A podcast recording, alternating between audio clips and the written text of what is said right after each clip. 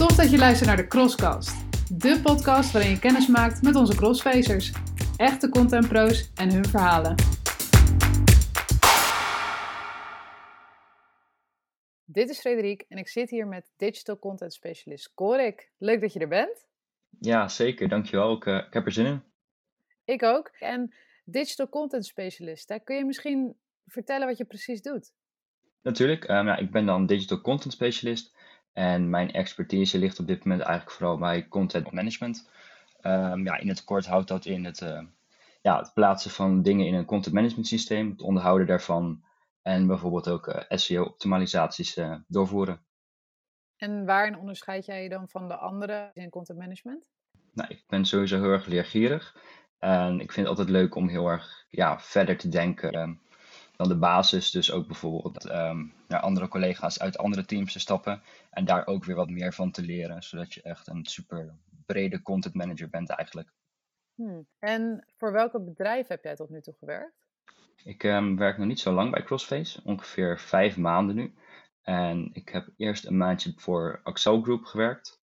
Um, dat is de hoofdorganisatie boven bijvoorbeeld Sparta e-bikes en nog een aantal grote e-bike merken in Nederland.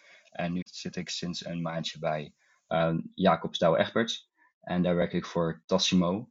En daar onderhoud ik vooral de, de webshops van Tassimo in de verschillende markten in, de, in Europa. En wat vind je dan nu het leukste, of tot nu toe het leukste om te doen?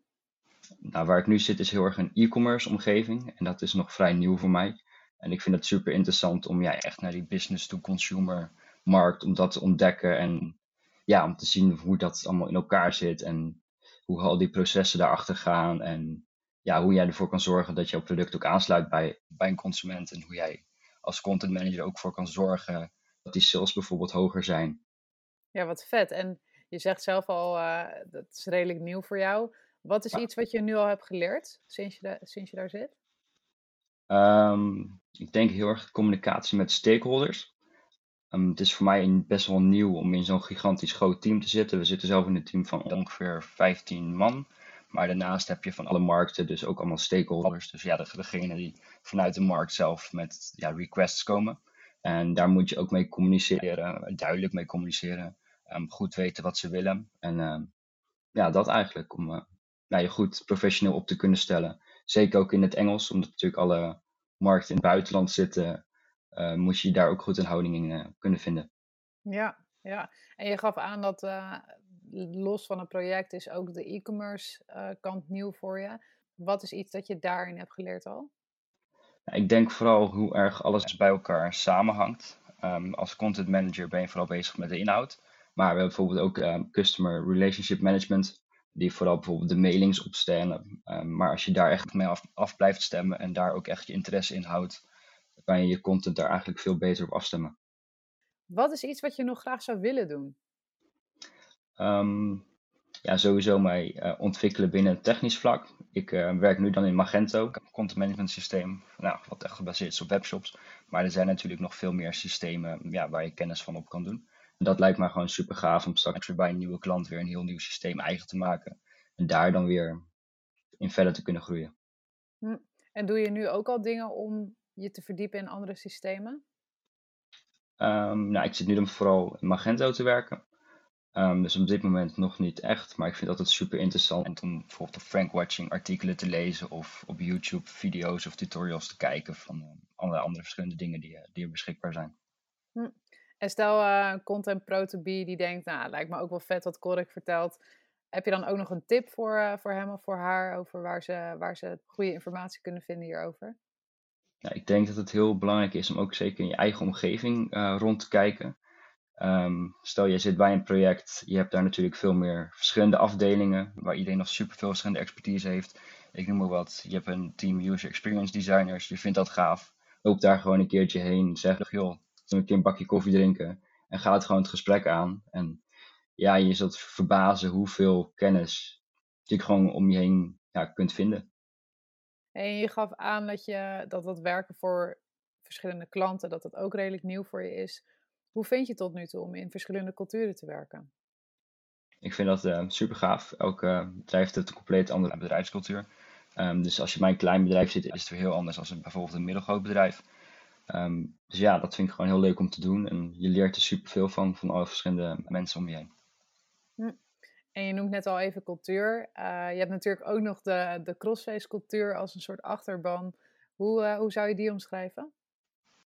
Als een hele fijne omgeving. We hebben superveel collega's om ons heen. Um, ja, je kan altijd makkelijk bij elkaar terecht. En ook zeker qua kennis. En als je nieuwe dingen wil leren, je stuurt iemand gewoon een berichtje en iedereen maakt gewoon tijd voor je. Dus dat is gewoon uh, super gaaf. En zeker omdat je nu gedetacheerd zit, um, heb je de kans dat je die feeling een beetje kwijtraakt. Maar Crossface, Crossface zorgt er gewoon super goed voor um, dat die feeling echt behouden wordt. Wat vet. Ik zie je ook, ik zie je natuurlijk op het scherm, ik zie je helemaal een beetje oplichten als je het over hebt.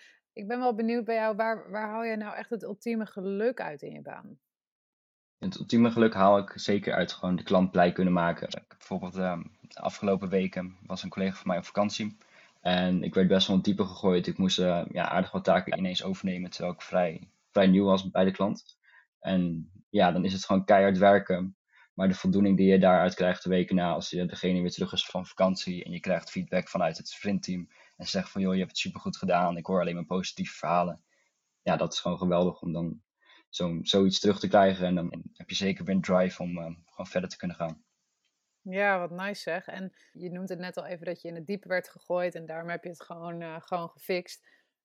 Als je terugkijkt op je hele ontwikkeling nu als professional, heb je dan ook nog andere impactvolle momenten? Um, ik zit nu eigenlijk dan bij mijn eerste echte grote klant. Dus dit was wel een van de ja, momenten waar het meest is gebeurd. En ik denk inderdaad dat dit soort momenten, als je gewoon ineens, ja, gaat maar gewoon doen. En uh, hier heb je wel ja, alle collega's om je heen die natuurlijk voor je klaarstaan. Maar dat zijn gewoon de beste momenten om, ja, voor jezelf om heel veel te leren.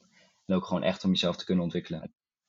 Klinkt alsof je gewoon heel steady zo, uh, zoiets ingaat. Zijn er ook uh, dingen waar je wel eens bang voor bent in een professionele setting?